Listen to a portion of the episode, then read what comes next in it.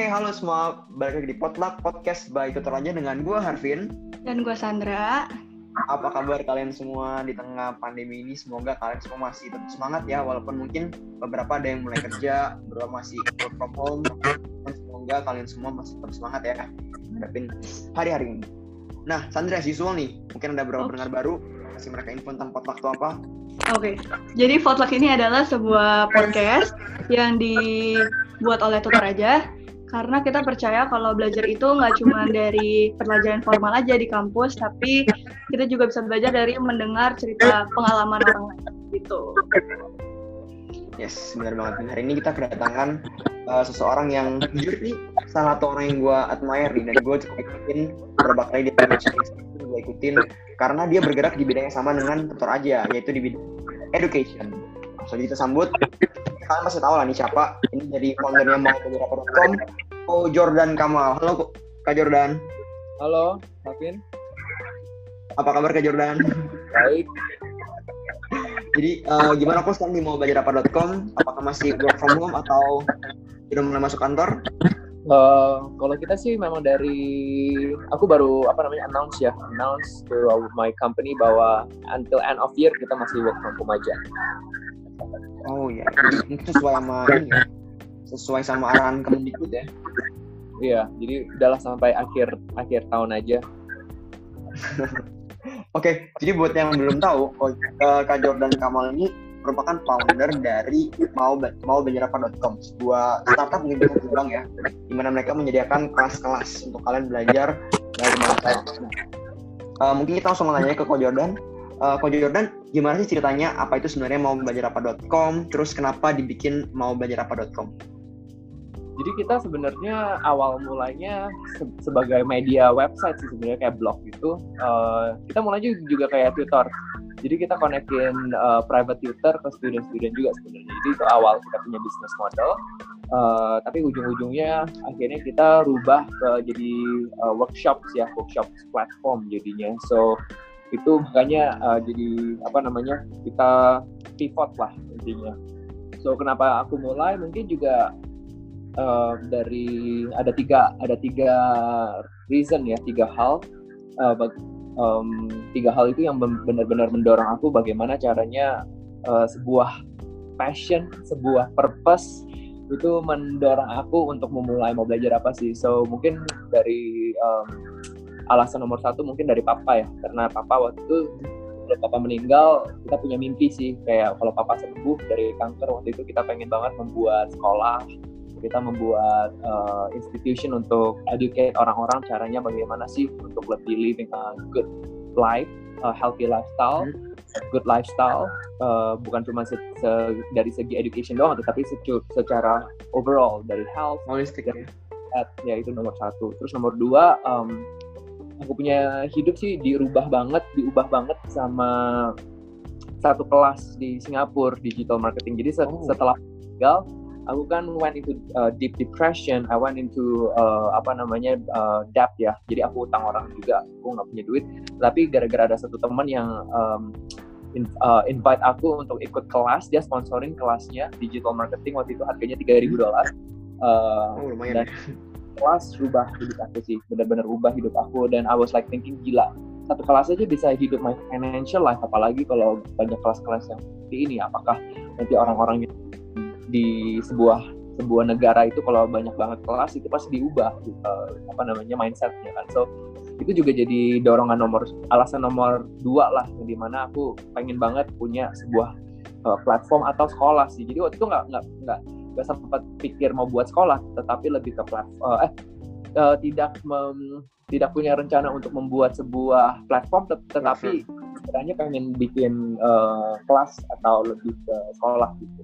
Nah terus yang ketiga inilah poinnya. Jadi ketika waktu kita balik dari Singapura em, adik adik aku kan seorang guru ya privat waktu itu. Jadi dia dia tanya oh mau dong buat eh, apa namanya cari website tolong dong cariin website di mana dia bisa apa namanya em, taruh dia punya service ya uh, teaching service website supaya dia bisa dapat student. So akhirnya aku cari research nggak ada dan ujung-ujungnya aku langsung bilang ya udah deh uh, aku yang buatin aja so itu bagaimana tumbuhlah mau belajar apa.com Oh, menarik banget sih dari tiga poin itu mungkin bisa bilang tiga-tiganya noble purpose ya.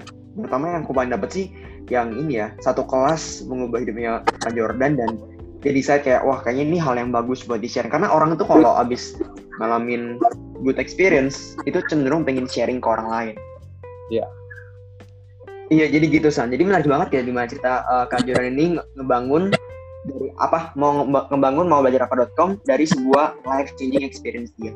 Nanti kita bakal uh, research lagi deep down ya. eh, Kak Jordan aku mau nanya Kak Jordan di masa muda dong. Kira-kira youth-nya Kak Jordan kayak gimana? Lagi waktu masih kuliah atau selagi abis lulus kuliah? Uh, my favorite life I would say is during my polytechnic ya. Jadi sebelum sebelum kuliah. Jadi itu kayak SMK ya kalau nggak salah. Jadi aku sebelum masuk ke university itu aku kan ada choice untuk masuk ke JC Junior College. Cuman waktu itu aku pilih untuk resign dari Junior College.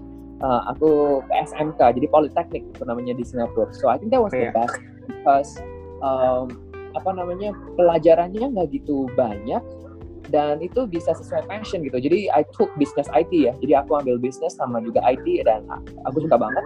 Dan ada same time itu nggak nggak kayak di sekolah itu nggak nggak lama gitu loh. Paling cuma 4 jam nah setelah itu enaknya itu juga nggak banyak PR. Nah itu yang make, apa namanya explore a lot of things. Jadi aku kerja, aku jadi waiter waktu aku ingat terus aku explore my passion. Uh, I I think I explore my passion in music waktu itu dan juga I explore my my passion in animation. Jadi uh, I oh. for, for that for that polytechnic three years it was my my, my best years lah intinya benar-benar.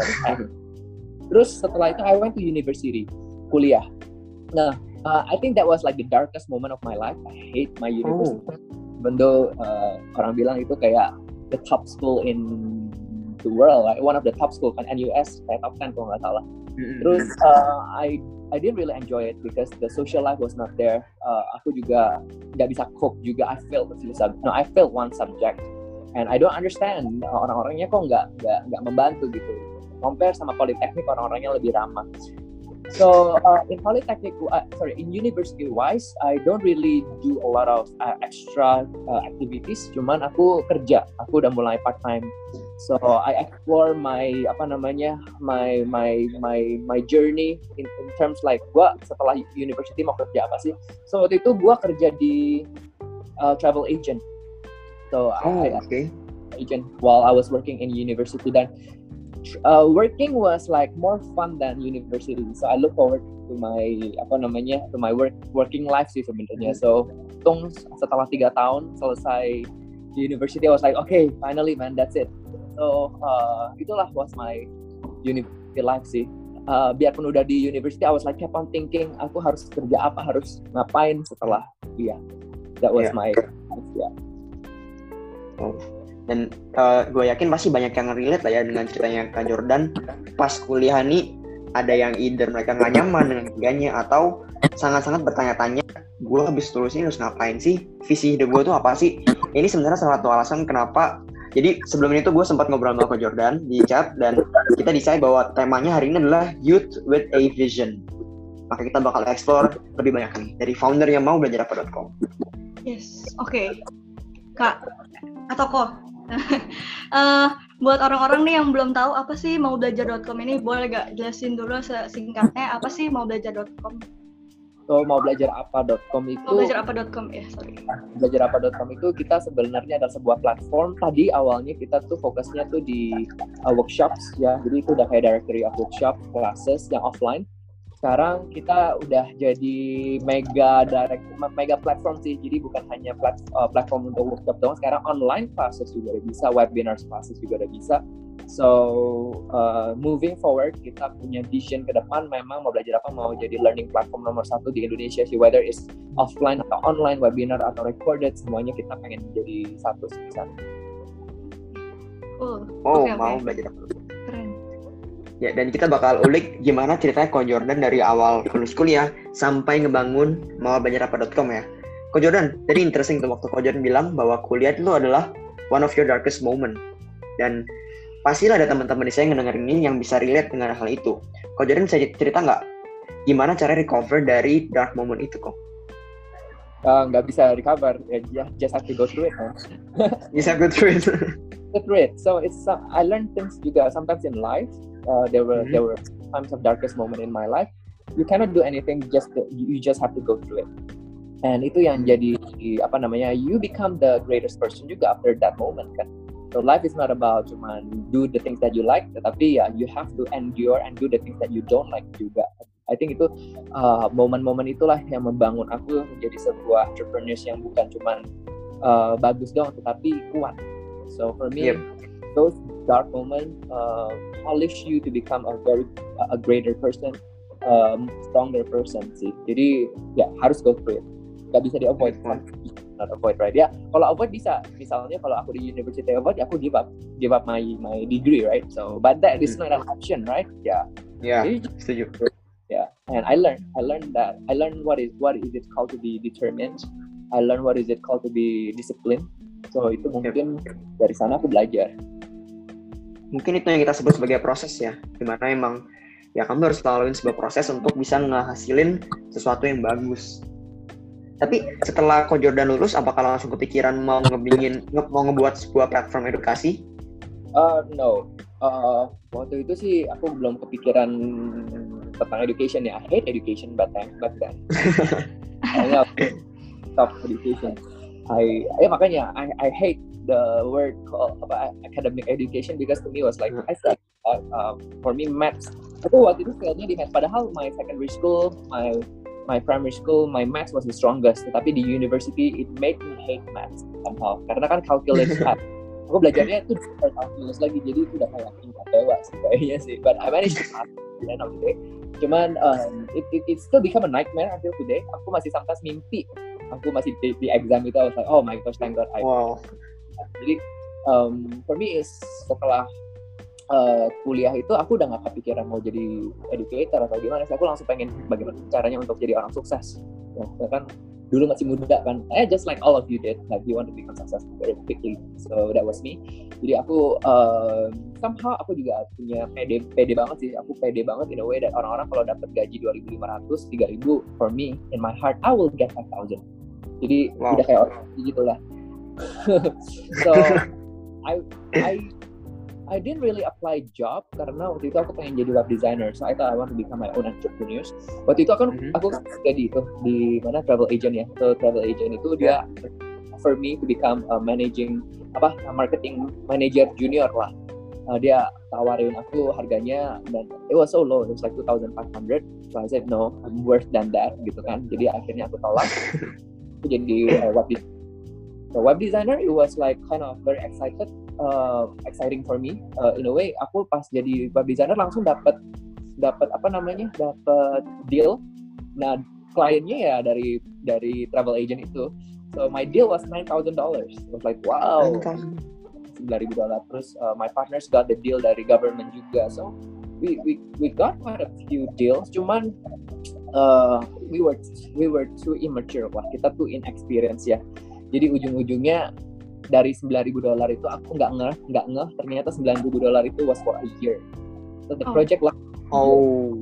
Ya terus dibagi tiga lagi ya tiga ribu dolar. so that was my struggling part juga at the end of the day. Tapi sempat juga kan my parents was like asking eh Jor lu kenapa nggak mau kerja aja? Cari aja kerja. So I did went for interview. Waktu itu I, I don't know if you know this brand called Creative Live eh Creative Sound Blaster dulu uh, speaker si Sound Blaster itu dulu kayaknya oh. mau saingin Apple waktu itu kreatif uh, oh. ada nggak dia. So I went to uh, interview the, uh, I went for the interview and I almost got the the, the job juga. Waktu itu kan mereka tanya lu mau berapa? Gue bilang gue mau tiga ribu. Dia bilang tiga ribu agak tinggi bu. But but they they actually want to accept me already. So at the end of the day I I still rejected. Somehow nggak tahu kenapa aku reject. Dan akhirnya um, aku beneran struggling banget. So there was one client yang dari web designernya dia tanya, eh Jor lu mau kaya gak? Of course gue pengen sukses. Gue bilang. Terus dia bilang, ya lu ikut gue aja. So gue ikut dia. Uh, and ternyata dia mau gue jadi insurance agent. So I took all the exams for insurance too di Singapore. But halfway inside my heart I was like gue gak suka sih jadi insurance agency. Can I can I do something else gitu kan? So akhirnya dia bilang yaudah kalau lo gak mau jadi insurance agent lo jadi property agent aja. So that's how I ended up become a property agent. Although hmm. I don't really quite like the profession waktu itu ya. Waktu itu aku gak gitu suka. Karena okay let me tell you this. When I was in Singapore yeah. uh, I was I would say I live quite a good life in a in a way that my my parents was quite wealthy dia punya rumah gitu kan. Jadi kita punya rumah di sana kita I live I live a good life gitu. Jadi orang-orang lihat gue tuh kayak oh a prince gitu. Enak banget di Singapura punya rumah punya punya good condominium gitu lah. So when my mom when my dad got got sick um, he has to sell out his business. Dia harus close down the business. The business was not doing well and uh, kita harus jual rumah kita juga ujung-ujungnya. So uh, sering kan property agent masuk ke rumah gitu. And I I don't like property agent di Singapura kayak terlalu what do you call ya? Terlalu kayak kayak fake gitu loh. So I don't like mm. serve if I were if I were to say it's like mereka suka kayak just just just lick your ass gitu loh. Kayak suka jilat pantat lah gitu lah. Uh. so I did that job gitu. But ujung-ujungnya pas gue ditawarin jadi property agent I struggle. It's like it's the kind of job that I hate but then no choice kan? So itu itu push me banget sih to the core like I was like asking God oh my gosh gue dulunya tuh kan kayak prince gitu ya. Terus I thought I will be coming back to help my dad gitu kan bisnisnya tahunya tutup. Terus I thought I will I will I will become a web designer yang sukses. Eh tahu tahunya tutup. Now I have to come to this stage di mana aku harus jadi property dan harus uh, the first job that I did ya di properti itu aku pergi ke shop flatnya aku jaga duduk uh, I have to serve client I have to sapu ngepel uh, dan itu that job yang I don't really usually do at home because I have made right back then right? But karena apa condition bisnisnya nggak bagus jadi then no choice. So I have to do all that but inside my heart I know this is like God's way to teach me about yep. becoming and so ujung-ujungnya aku I, I love challenges so I told, told myself it's okay guys. I'll take this. Nanti aku juga one day bakal successful. Aku pikirnya kayak gitu. So uh, aku nggak buat education tetapi somehow it just lead me to that gitu loh. Jadi akhirnya aku jadi property agent struggling for three years. Dan three years, three years uh, no one uh, mentor aku nggak ajarin aku apa-apa sampai ada teman baik aku yang dia bilang eh Jor lo ikut kelas. Nah setelah ikut kelas itu itulah berubah banget. I understand I experience what is called kaya. Jadi uh, waktu itu pas aku mau kerja itu kan orang-orang bilang 3000 dolar uh, apa namanya gajinya. Cuman uh, a lot of people say if you become property agent you will get five thousand dollars per month. Cuman pas aku jadi property agent gak dapet malah. 5000 dolar per monthnya nggak ada. Malah aku struggle juga kan. But hmm. I've seen a lot of people yang jadi property agent itu sukses 20 ribu dolar per month. So hmm. aku ingat tahun 2010 I was telling my mentor eh aku mau dong satu bulan earning 20 ribu dolar. per bulan tapi 2010 2011 it didn't happen for me tetapi 2012 it happened for me uh, aku yang benar-benar wow. dalamnya wow per month dapat 20 ribu dolar whereas all my friends mereka masih kerja mereka cuma dapat 3 ribu 4 ribu kan but I did uh, twenty thousand dollars. So that changed my life. Wow, dua puluh ribu dolar per bulan. Tapi Kak itu kan bisa dibilang zona nyaman tuh, ya kan? I mean, uh, Kak dapat dua puluh ribu per bulan dari pekerjaan as a property agent. Kenapa sekarang jadi, maksudnya kenapa decide buat keluar dari property agent? Atau mungkin sekarang masih dijalanin? Maksudnya tapi kenapa akhirnya ngebangun platform edukasi ini? Kalau sudah di zona yang cukup nyaman lah itu ya, dua puluh ribu dolar per bulan, it's a very high income sih. Yeah, it's, it's super high income. Uh, I even went, we, we even earned like fifty thousand. No, we even earned hundred thousand dollars per month before. Wow. Oh my god. with my partner yang tapi yang sponsor. So um, apa namanya? Uh, why did I leave? Uh, it is because of of the things that uh, pas tahun 2012 pas papa hmm. meninggal it changed it changed me it changed it changed my life it changed me in a way that perspective about success itu udah beda sih so lucunya tahun 2010 sampai tahun 2012 kan aku pengen banget sukses ya terus uh, papa meninggal it just changed the perspective about being successful. To me successful is not about money anymore. Success is not about I mean success cannot bring my dad to a life right? Nggak bisa balik yes. gitu kan. I thought ya udahlah I change uh, so I told God that I don't want to work so hard. Tetapi lucu it's just irony of life. When the moment when you gave up about becoming successful and then success comes to you so weird tiba-tiba gue dapat 20 ribu dolar per bulan uh, dan uh, the life was good. My life was good. 2012 sampai 2014 my life was super good. Cuman empty. My heart was really really really empty. Uh, karena kayak so what if you earn all this money? Uh, i don't have a good my personal development was not good. Uh, i do i don't know how to become a leader. Soalnya property agent kan cuma jual-jual doang gitu. So i thought hmm. i i wanted to have another company yang bukan cuma fokus di duit tetapi pengen fokus di impact dan juga fokus di my personal development as a leader so hmm. i prayed for a for, for a company sih makanya yang dari tahu-taunya my sister pengen buka apa namanya cariin website yang untuk itu teaching ya I thought ya udah why not I do it myself? And at the same time I tried to uh, do it part time dulu sih. Nah setelah part time it, it grows. Itu company grow and I didn't expect it to grow. So at the end of the day I have to make a choice kamu mau stay di Singapura untuk jadi property agent atau keluar dari property agent and focus in your mau belajar apa gitu kan? It, it was a tough choice. My mom was like scolding us already scolding me already. Kalau belajar itu dolar ribu dolar aku harus bilang gitu doang. Dan your it's for mau belajar apa yang nggak jelas gitu loh. So but my heart I don't know. Uh, I felt gak apa-apa lah.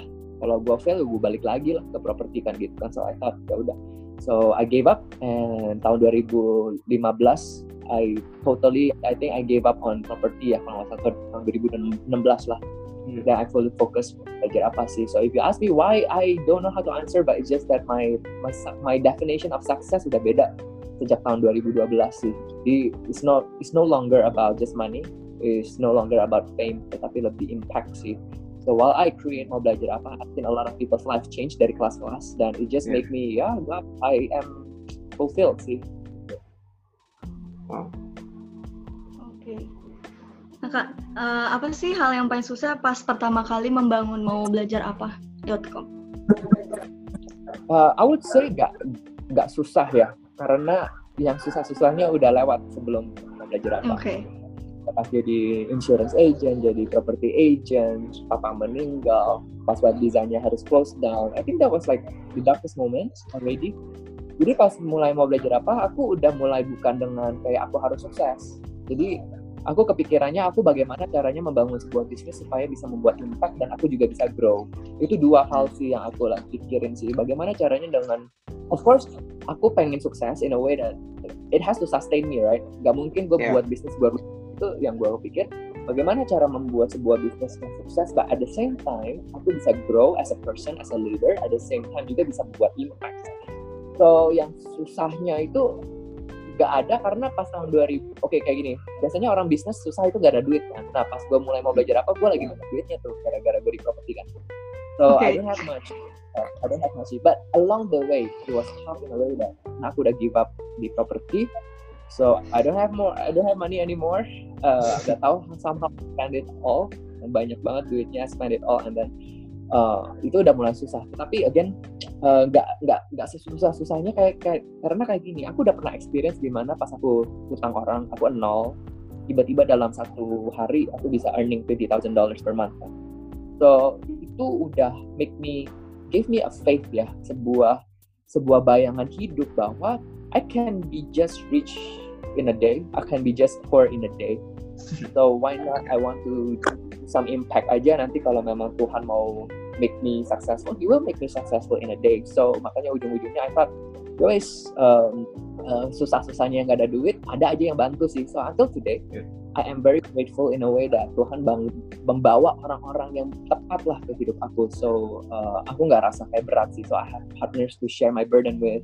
I have team to share my burden with. Although sejujurnya income-nya masih belum kayak kayak yang di Singapura. Cuman the joy the joy of having amazing partners the joy of having the impact itu itu luar biasa banget sih. So uh, kalau kesusahannya jadi so makanya karena all this makanya all this all this kayak the joy jadi challenges challenges ini kayak hampir lupa sih in a way ya.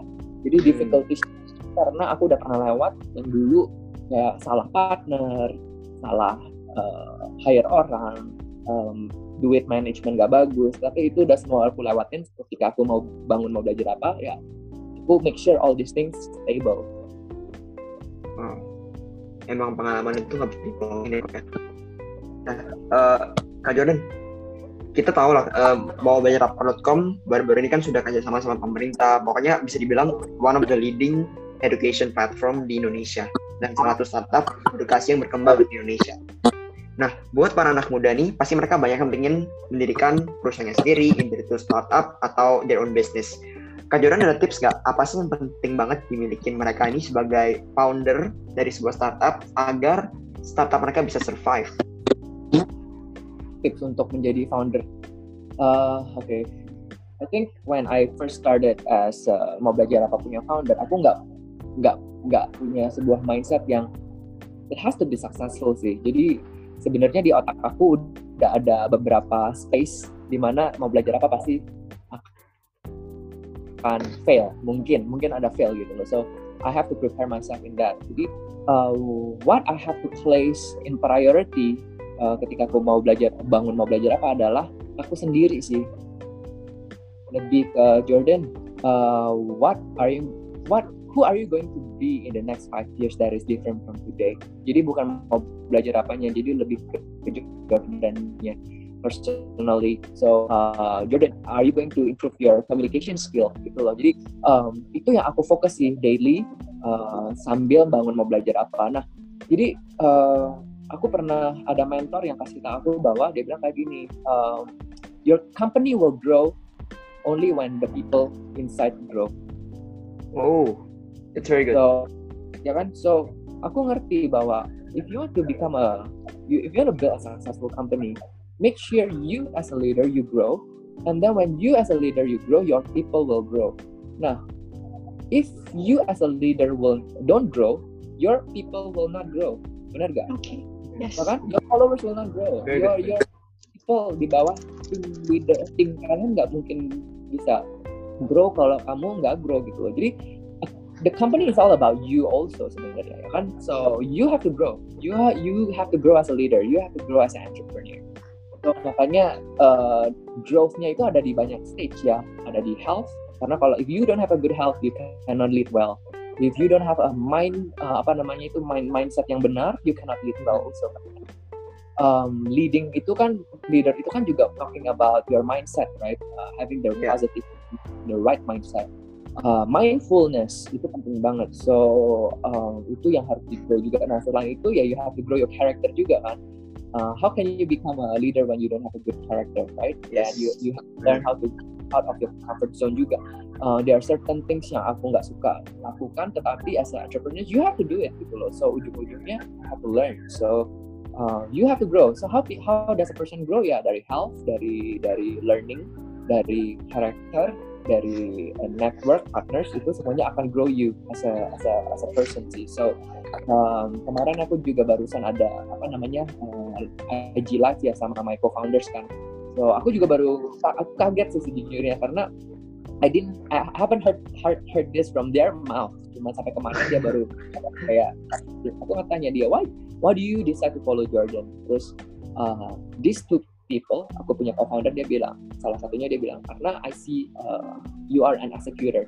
Kamu bukan cuma planning doang, kamu bukan orang yang ngomong doang, tetapi apa yang kamu ngomong kamu jalanin dan kamu, apa yang kamu jalanin kamu hantam katanya. So that was my co-founder. I didn't know that. I didn't.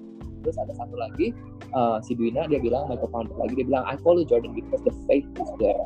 Karena dia lihat dan dia faith-nya gede banget. Dan karena karena foundernya dia bilang ya karena leader dan the captain of the shipnya tuh punya sebuah faith dan dan masih semangat. Udah dia bilang udah enam tahun masih semangat semangat. Ya gue juga semangat gitu. Jadi I learn oh ternyata my company grow karena aku learn to become jadi lebih semangat juga gitu. So ketika aku semangat anak-anak bawah semangat. Ketika aku punya vision anak-anak juga semangat. So you have to learn to grow yourself sih sebelum you grow your company gitu so I think that was it very good Wayne. Jadi buat anak muda, treat your business as if itu dari kalian sendiri ya. Jadi kalau kalian mau bisnis kalian grow, startup kalian grow, make sure kalian put the focus juga pertama kembangin diri kalian. Karena kalau kalian nggak berkembang, kalian nggak bisa mengembangkan orang-orang di bawah kalian. Dan kalau orang-orang di bawah kalian dalam bisnis tidak berkembang, bisnis juga nggak berkembang. contoh yang sangat bagus dari mau belajar apa.com. Ini kayak ini ya, Vin. Kalau misalnya naik pesawat, terus kalau disuruh pakai apa? Yang oksigen itu harus pasang sendiri dulu kan, baru bantuin orang lain. Ya kan? Oh iya benar. Eh, benar benar lagi bagus Sandra. Oke oke oke kok. Nah sekarang juga banyak banget nih anak muda yang bingung dan suka banget ngebandingin dirinya sama sosok-sosok orang lain yang dilihat di proses di Instagram di uh, sosial media semuanya kayak terlihat sukses. Nah gimana sih atau ada tips gak buat anak-anak muda ini yang suka membandingkan diri sendiri dan kayak uh, jadi malah down dengan melihat orang-orang ini? Uh, Instagram, I think 80% is a lie. So don't trust. I know, I know some of the influencers too. Uh, so it's not as good as what you see. Uh, makanya aku juga jarang posting apa namanya posting Instagram aku kayak aku lagi di pesawat lah, aku lagi makan enak lah. I seldom post this kind of things. I mean, for me I don't want to give hope to people that apa namanya the young children yang follow aku juga kayak sebuah sukses itu adalah harus dimulai dengan living a good life so again uh, teman-teman uh, you have to define your success you have to really define your success if your success is about material if your success is about having good car travel the world uh, having good house uh, having the power uh, I'm sorry but uh, kalian bakal disappointed sih. Even though you guys mungkin achieve ya.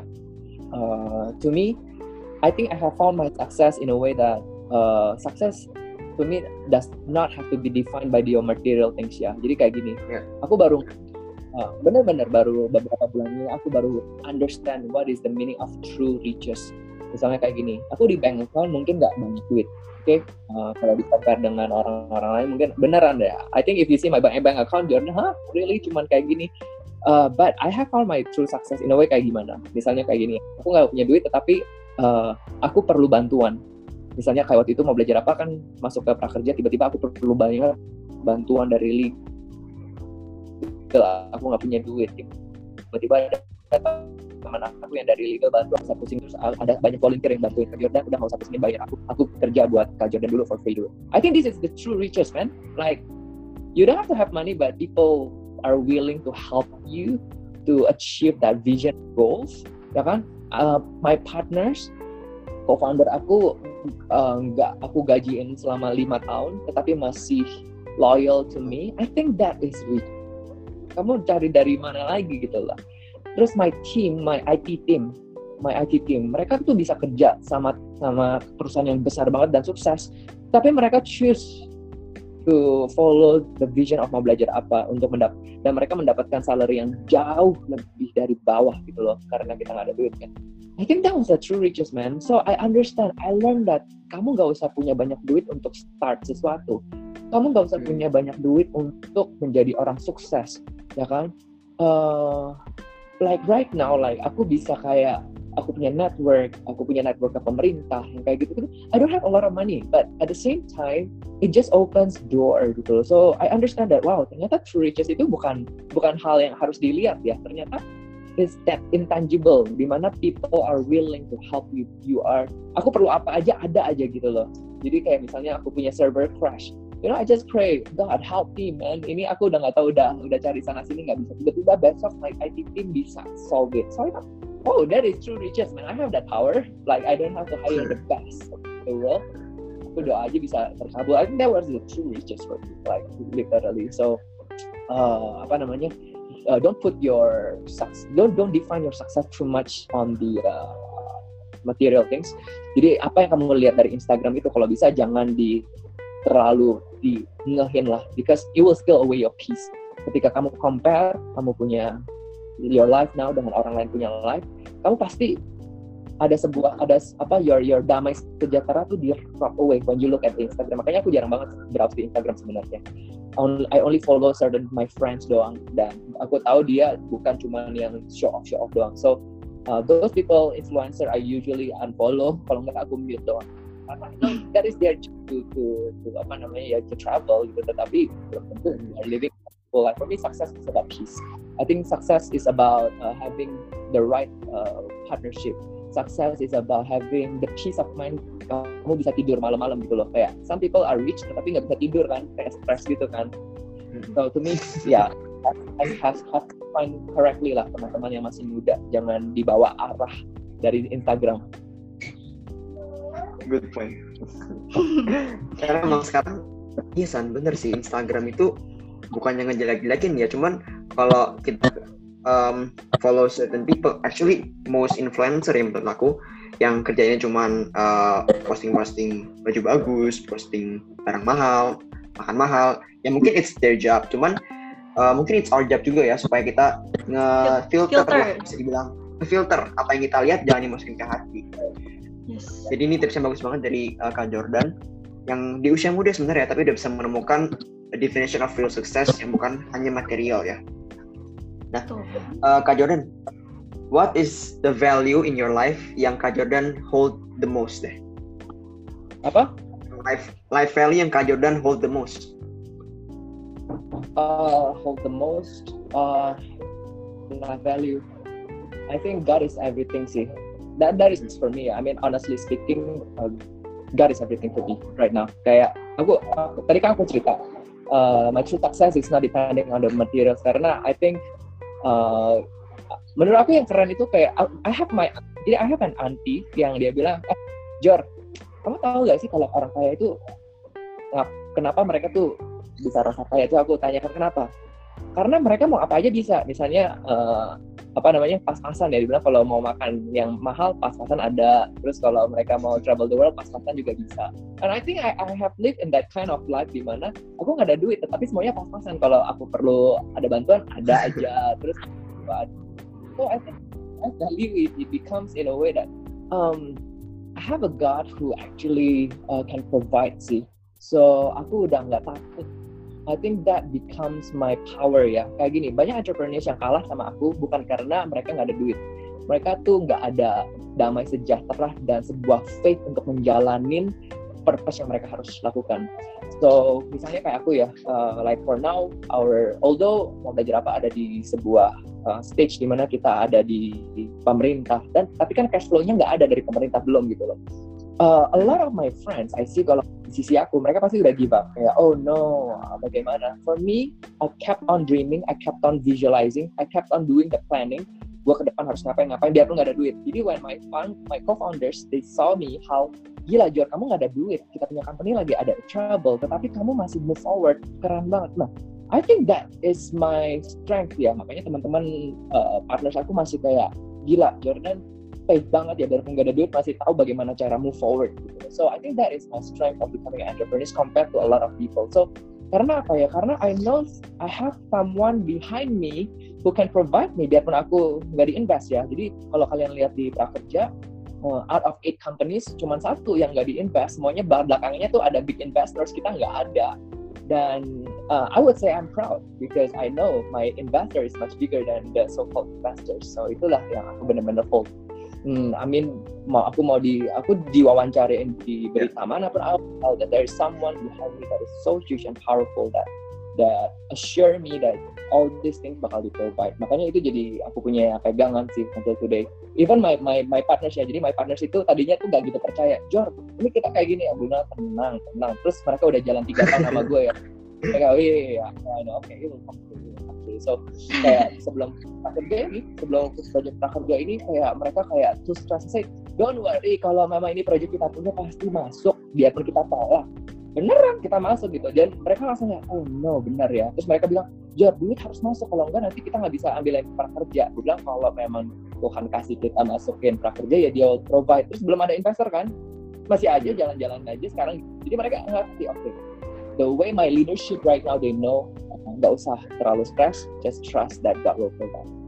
Wow jadi kan menurut gue itu definisi faith driven entrepreneur ya? Yes. Karena um, buat anak-anak muda sekarang terutama pun gue juga pernah ngalamin rasa insecure of life insecure of your future it's real. Tapi kita harus belajar yaitu punya kepercayaan punya iman itu bahwa hidup kalian itu kalian cukup bekerja keras kalian bekerja dengan benar dan kalian gigi ya kalian tetap semangat untuk bekerja. Pasti Tuhan kasih yang terbaik buat kalian. Kalian harus punya iman itu sebagai anak muda dalam menjalani hidup. Karena cuma itu yang bisa ngebuat kalian ngerasa damai sejahtera itu secure lah bisa dibilang ya. Karena menurut aku ya walaupun uh, gue juga belum punya duit nih tapi menurut gue no amount of money bisa ngebuat lu itu ngerasa secure. Karena kalau goalnya cuma duit duit duit saat di titik lu udah punya duit lu bakal mikirnya kayak oh ada orang yang punya duit lebih baik dari gue gue harus punya duit lebih baik dari dia. Atau kayak oh, oh duit gue udah banyak nih gue nggak boleh lose value nya gue harus tambahin lagi value nya jadi nggak akan bisa secure sampai kalian punya faith itu percaya bahwa uh, God got your back itu. Yes nah, whatever your agama ya. Eh, just have faith in anything yes. you believe gitu. Benar. Oke, okay, nah uh, Kak Jordan, habis gini kita akan masuk ke sesi we call this rapid questions. Jadi kita bakal uh, kasih uh, pertanyaan yang harus dijawab dengan cepat, harus instan ya, oke? Okay? Oke, okay, ready? Oke, okay, jadi nanti awal nanti gue yang nanya terus gantian Sandra. Jadi gue Sandra, gue Sandra gitu. First question, introvert or extrovert? Introvert. Okay, uh, if you could go anywhere in the world, where would you go and why? Go anywhere in the world. Uh, must uh, go somewhere yang I haven't been or how? Uh, up uh, to you. up to me. Uh, there's no place yeah rather. Okay lah, uh, Australia lah. okay. Sydney, I love Sydney. Kak Jordan, misalnya dapat 15 minutes of fame, di mana seluruh orang di dunia bisa dengar Kak Jordan. What would you say in that 15 minutes? What would I say? Yes. Oke, okay, gampang sih. Follow Jesus. That's really my life life mission. Simple, pada jelas ya. Okay, describe yourself in three words. Uh, faith. Terus uh, faith. Oke okay, three words susah banget ya ternyata ya. Faith vision and wisdom. Okay that's three. Oh that's good. Kak Jordan your favorite quote? Uh, my favorite quotes is my favorite quote banyak sih nomor tapi nomor satu oh uh, I like I like that quote uh, to live is not just to survive but to thrive. Oh, it's good. To live okay. is not just to survive but to thrive. Yeah. Okay. Vanilla or chocolate? Chocolate. Tea or coffee? Uh, tea. Uh, morning or night person?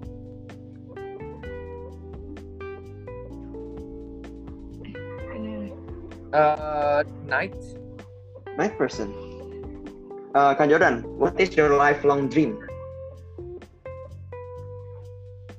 Lifelong dream. Uh, to have a family on my own. That's my love. Okay. Uh, uh, uh, uh, mountains or beach? Uh, mountain. Okay. Last question. One thing that you will change about yourself, if there's any. my height maybe Oke, okay, oh. itu udah rapid question. Oh, lu mau nanya lagi, San? Enggak, kenapa emang, Kak? Your height. I think I could be taller. I believe I should be taller. Well, in Waduh. photo, di foto kayaknya you are really tall. Iya. Well, well, I'm I'm not I'm not really tall. I'm kalau di Indonesia sih I'm average ya, kayak I'm 170 but okay. my I would like to have at least 178. Oke. Okay. Ya, ya. Okay, okay. Mungkin kalau di Singapura kerasa san ya, kalau di Indonesia yeah. segitu kan ya. Ya, kalau di Indonesia enggak sih. Di Indo ya. bisa kepentok pintu mungkin. Oke, okay, jadi tadi adalah questions bersama Kak Jordan dan Kak Jordan. Dan kita ada beberapa pertanyaan terakhir nih. Kalau dari gua, uh, Kak Jordan, anak-anak muda zaman sekarang, uh, menurut aku tuh yang paling bahaya adalah kalau mereka have no vision. Jadi mereka cuman kerja kerja kerja atau uh, drive truck, maksudnya kayak bekerja keras tapi nggak punya visi. Kak Joran ada tips nggak buat anak muda how to find their vision? How to find vision in life sebenarnya? I think is lebih pentingnya untuk find purpose dulu sih sebelum dapat vision ya. So when you know your purpose and then you will discover the vision because vision itu vision itu bukan cuman satu. Vision itu pasti ada banyak. In in different stage of life you will get different vision. Ya kan? Um, and then different different level of your life juga bakal ada different purpose sebenarnya ya kan? Different calling juga. Jadi misalnya when you become when you are a student what is your purpose? Ya of course your purpose is to study to get a good grades misalnya. And then what is the vision? Ya the vision ya has to become a top student gitu misalnya kan? So um, beda-beda. So menurut aku adalah bagaimana caranya dapat vision ya. At this stage of your life you can always ask yourself what is your purpose now ada a greater purpose in this next two, three, four years gak yang maybe God wants you to uh, have. So for me, I think uh, aku tahun 2010 nggak dapet vision sih. I struggled a lot. Makanya ujung-ujungnya ngapain? Aku ujung-ujungnya ikut orang kerja. So it's okay uh, when you follow others, uh, when you work, when you don't have vision. Uh, until that day will come, the vision will come and find you sih menurut aku ya. Aku dulu hmm. tahun 2008 kayak gila-gila banget cari vision, cari vision, but vision are not for you to really search. I would say right now the vision just come by itself after you go through a lot of tough times, after you go through a lot of oh, downtime, the darkness. Itu menurut aku yang visionnya akan datang sih. So I think uh, just go through life uh, knowing that uh, you have a purpose sih. Uh, until I know uh, aku ada punya purpose, and then you pray for vision. For me, for me vision itu very spiritual. So aku aku juga jarang banget kalau ngobrolin tentang vision karena susah banget. There there are worldly vision, there are godly visions, but at the end of the day yang matters itu kan what what are you here born? What you are here untuk apa gitu loh? Why why why why are you here gitu kan? So yeah. menurut aku kalau if you don't um, if you don't if you're not close but again susah juga. Kayak misalnya kayak Elon Musk gitu kan dia juga nggak percaya Tuhan banget gitu. Tetapi visionnya lumayan gede sih. But at the end of the day I I I always believe that vision still comes from heaven ya. Uh, vision still comes very spiritual lah. Kayak mimpi. Kalau kita tidur mimpi itu kan juga spiritual sebenarnya. So yeah, yeah. Uh, apa namanya you just have to find uh, apa namanya you more than more than just being healthy you you got to be very mindful sih. So right now the world the world is going through kayak uh, kita harus jadi orang yang lebih mindful mindful about the things that you are doing gitu kan. So for me uh, vision itu uh, kalau sekarang teman-teman belum dapat cari aja dulu purpose-nya. Your purpose uh, harus ngapain gitu loh. Jadi for me once the person has know their purpose and then nomor dua tahu talent dan gift-nya dan itu bakal bisa dijadi satu sih visinya tuh seperti apa. So for example, I have a good friend ya, namanya Seni 100 kapas dia dia fashion designer. Dia dari dulu kerja sama orang dia nggak ada dia nggak punya visi. So dia nggak punya visi. Cuman aku lihat sama dia, aku bilang, eh Sen, gila lo hebat banget the way you draw. Dulu dia tuh desainer buat Top Shop, uh, man gitu oh. kan. So 10 tahun loh dia kerja sama mereka. And she was really really good. And I saw her passion in in cloth. Dia pegang cloth ya dia pegang kayak dia pegang kain. Dia udah langsung kayak trans gitu dia udah tahu. Jadi bisa ngapa-ngapain. Jadi dia langsung punya visi gitu. Was like wow this is like crazy. So gue coba gue coba iseng-iseng. Eh gue coba buat lu punya brand clothing brand sendiri. So akhirnya dia di fire sama bosnya terus no choice right? Nah karena again gini uh, life sometimes is very funny. Karena lu no choice terus dia harus pikir harus ngapain? Sekarang gue udah gak ada kerjaan. Dia udah gue bilang lu coba aja jadi entrepreneur. Ya udah terus akhirnya dia coba. Sekarang sukses dia 100 kapas oh. dia. So uh, the vision will come when ya yeah, during the dark time lah. Iya iya. Benar-benar. Mungkin bisa dilihat sama kalian dari sisi masa pandemi ini ya. Maybe it's di masa kali ini kalian mungkin di PHK atau kalian kehilangan pekerjaan saya yakin lah banyak banget dari kalian tuh yang uh, menemukan justru opportunity baru dan ya vision baru di pandemi seperti ini. Dan uh, ini menarik sih San, yang tadi gue dapet itu adalah anak-anak muda tuh yang aku dapat adalah it's okay buat kalian di usia kalian mungkin masih umur 20 tahun, kalian belum menemukan the vision of your life. It's okay karena uh, it will come along the way. Cuman yang paling penting adalah sekarang kalian kerjakan sebaik mungkin. Kalau kalian mahasiswa, ya visi kalian buat sekarang adalah jadi mahasiswa yang terbaik. Kalau kalian sekarang kerja sama orang, itu jadi apa jadi karyawan atau kalian jadi partner, ya kalian jadi yang terbaik di posisi kalian itu. Yes. Nah, Tuh. Uh, Joran, gue sempat nge-stop nih dan uh, gue dapet satu quotes yang bagus banget nih yang gue mau nanya lebih tentang ini. Quotesnya tuh kayak gini, live by the season of your life, not by the opportunities that knock on your door. Uh, can you explain a bit more of this? Uh, Oke, okay. that was my favorite quotes by the way. Itu dari mentor aku juga, Pak Cokro. Hmm. Uh, when he wrote that I was like wow this is actually this is what I live uh, I've been living this jadi uh, kayak gini um, kita jadi orang tuh opportunity itu banyak banget misalnya kayak gini aku aku jadi mau belajar uh, even aku sekarang lagi di mau belajar apa banyak banget yang offer aku misalnya eh John uh, aku punya business idea yuk bikin ini John aku buat aku punya business ide so I have times to hundreds of business idea that comes to me right uh, business opportunity juga misalnya kan Hmm. Tetapi belum tentu aku harus ambil semua opportunity itu. Makanya aku harus ngerti season aku tuh di mana. Kalau season aku ada di mau belajar apa, aku harus fokus di mau belajar apa, bukan di opportunity itu. Ya, Jadi kalau... once I finish my my once I know my season is over in mau belajar apa, baru aku coba cari opportunity lain. So that's why I love the quotes a lot. And I think that quote is about wisdom ya. Uh, people who are oke, okay, mungkin yang tadi pas ditanya Jordan, uh, bagaimana untuk orang yang cari vision I forgot you need to find wisdom I think the first thing should be come the priority of your life untuk anak anak muda kamu harus cari wisdom wisdom itu yang menurut aku guide me until today uh, wisdom itu yang ajarin aku Jor, kamu nggak boleh ambil opportunity ini, kamu harus ambil opportunity itu.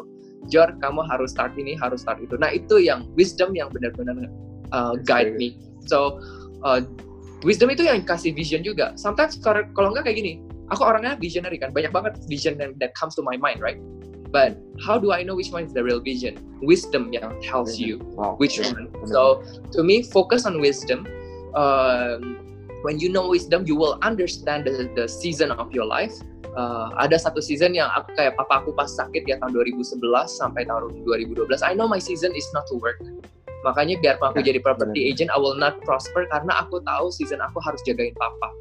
Uh, aku I, I I didn't really quit my job, but it's just that I know I don't I cannot work. So itu jadi uh, season aku. Terus ketika papa meninggal tahun 2012, aku kan fall into depression. Tiba-tiba banyak duit masuk. Ya kan? Tahun dapat dua dua dua dua puluh ribu dolar per bulan. Dan it, it went for for two years. And then when I look back to God I, I ask God God kenapa pas aku banyak duit nggak kasih aku mulai mau belajar apa? Jadi aku nggak usah struggle kan? Tapi aku ngerti that was my season. Jadi teman-teman my season was to enjoy life after my dad passed away.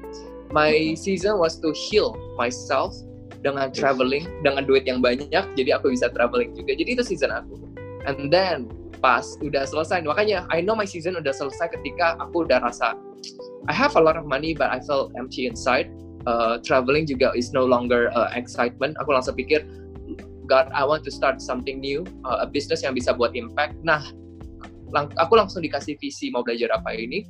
Jadi pas aku mulai mau belajar apa, dan I I realize, okay, this is my season. Dan I thought my season cuma dua tahun, ternyata enam tahun masih di mau belajar apa, and I'm still I'm still happy and I'm still excited. Dan I know season aku masih di sini.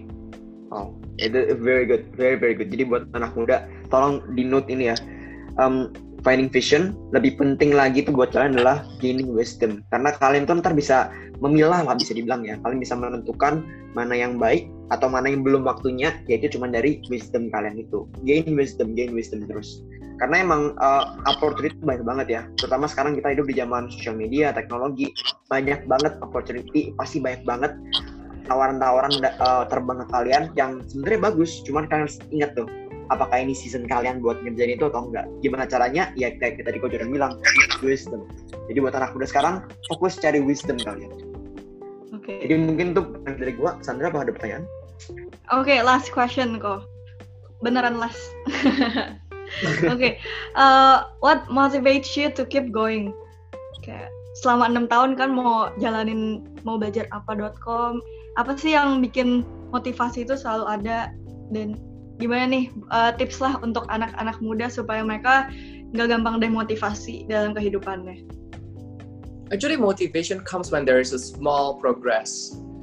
Uh, I will lose my motivation. Aku bakal close down mau belajar apa ketika aku gak, udah nggak lihat ada progress lagi ya di company-nya. Misalnya udah nggak ada, udah nggak ada user, udah nggak ada partner, udah udah give up gitu. Jadi yeah, I will not have motivation. So what keeps me going this six years of motivation? Karena each day, each month, each week ada ada small progress, ada small little surprise. Ya misalnya kayak pertama aku buat mau belajar apa kan uh, sebuah website ya kan? Sebuah website media ya kan? Sebuah website media terus tiba-tiba dia go viral gitu kan? Pas go viral it it excites me oke okay? oke okay. udah excites me. Terus uh, udah jalan satu bulan dua bulan ya udah viralnya go down kan? Terus I thought okay what's next? Terus tiba-tiba aku diminta ketemu apa masuk ke radio. So it excites it excites me again kayak wow oke okay, masuk radio. Terus habis itu ketemu orang-orang yang hebat.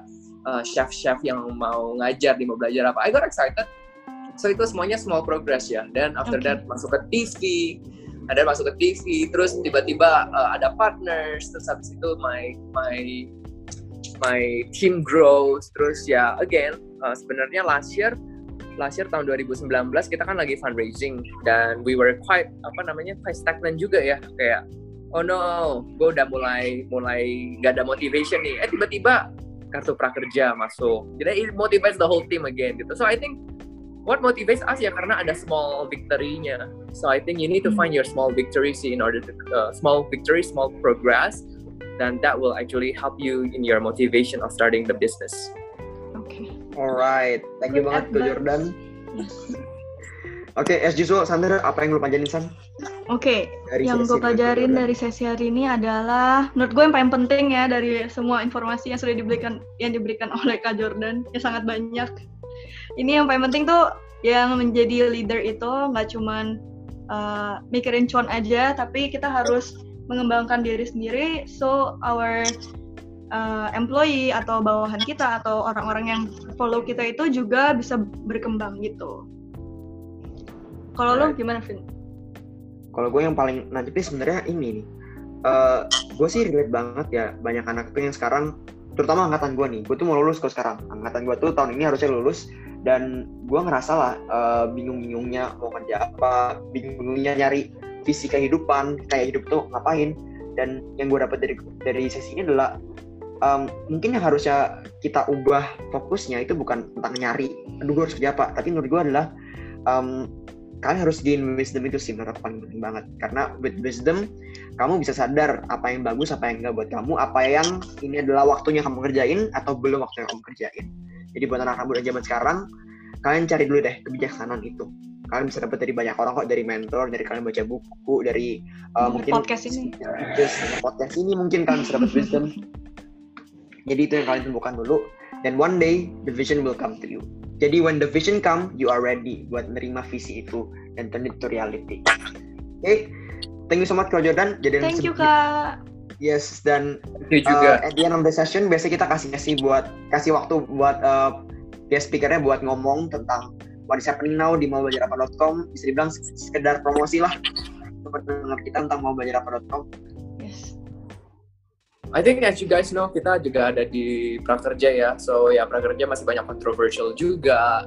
Uh, although we we want to start things right, jadi kan kita tujuan prakerja itu bagus ya, cuman kan ya gara-gara ada beberapa, sistem loophole itu jadi sebuah controversial the whole nation terus kirain korupsi dan lain-lain. So uh, for me is I will just stick to my own principle. I will just stick to my own vision. Um, so what are we busy right now? We're still doing a lot of uh, apa namanya? We're still developing a lot of new features for for our education system in the future sih. So itu yang masih excite excites us a lot uh, about having the the real technology that will help the nation. So itu yang kita lagi kembangin sekarang. Alright. Jadi buat semua pendengar kita yang kalian mau uh, learning a lot of stuff, just soft skill, hard skill, kalian boleh cek mau belajar apa.com. Oke, okay, I guess that's it buat sisi kita pada hari ini. Thank you so much buat sekali lagi buat Jordan terus-terus di mau belajar apa.com dan buat para pendengar kita terima kasih udah dengerin dari awal sampai akhir ya. Semoga kalian dapetin banyak insight-insight baru dari sesi kali ini. Gue Arvin dan pakut gue Sandra. Kita cabut dulu. See you guys on the next podcast. Bye bye. Bye bye.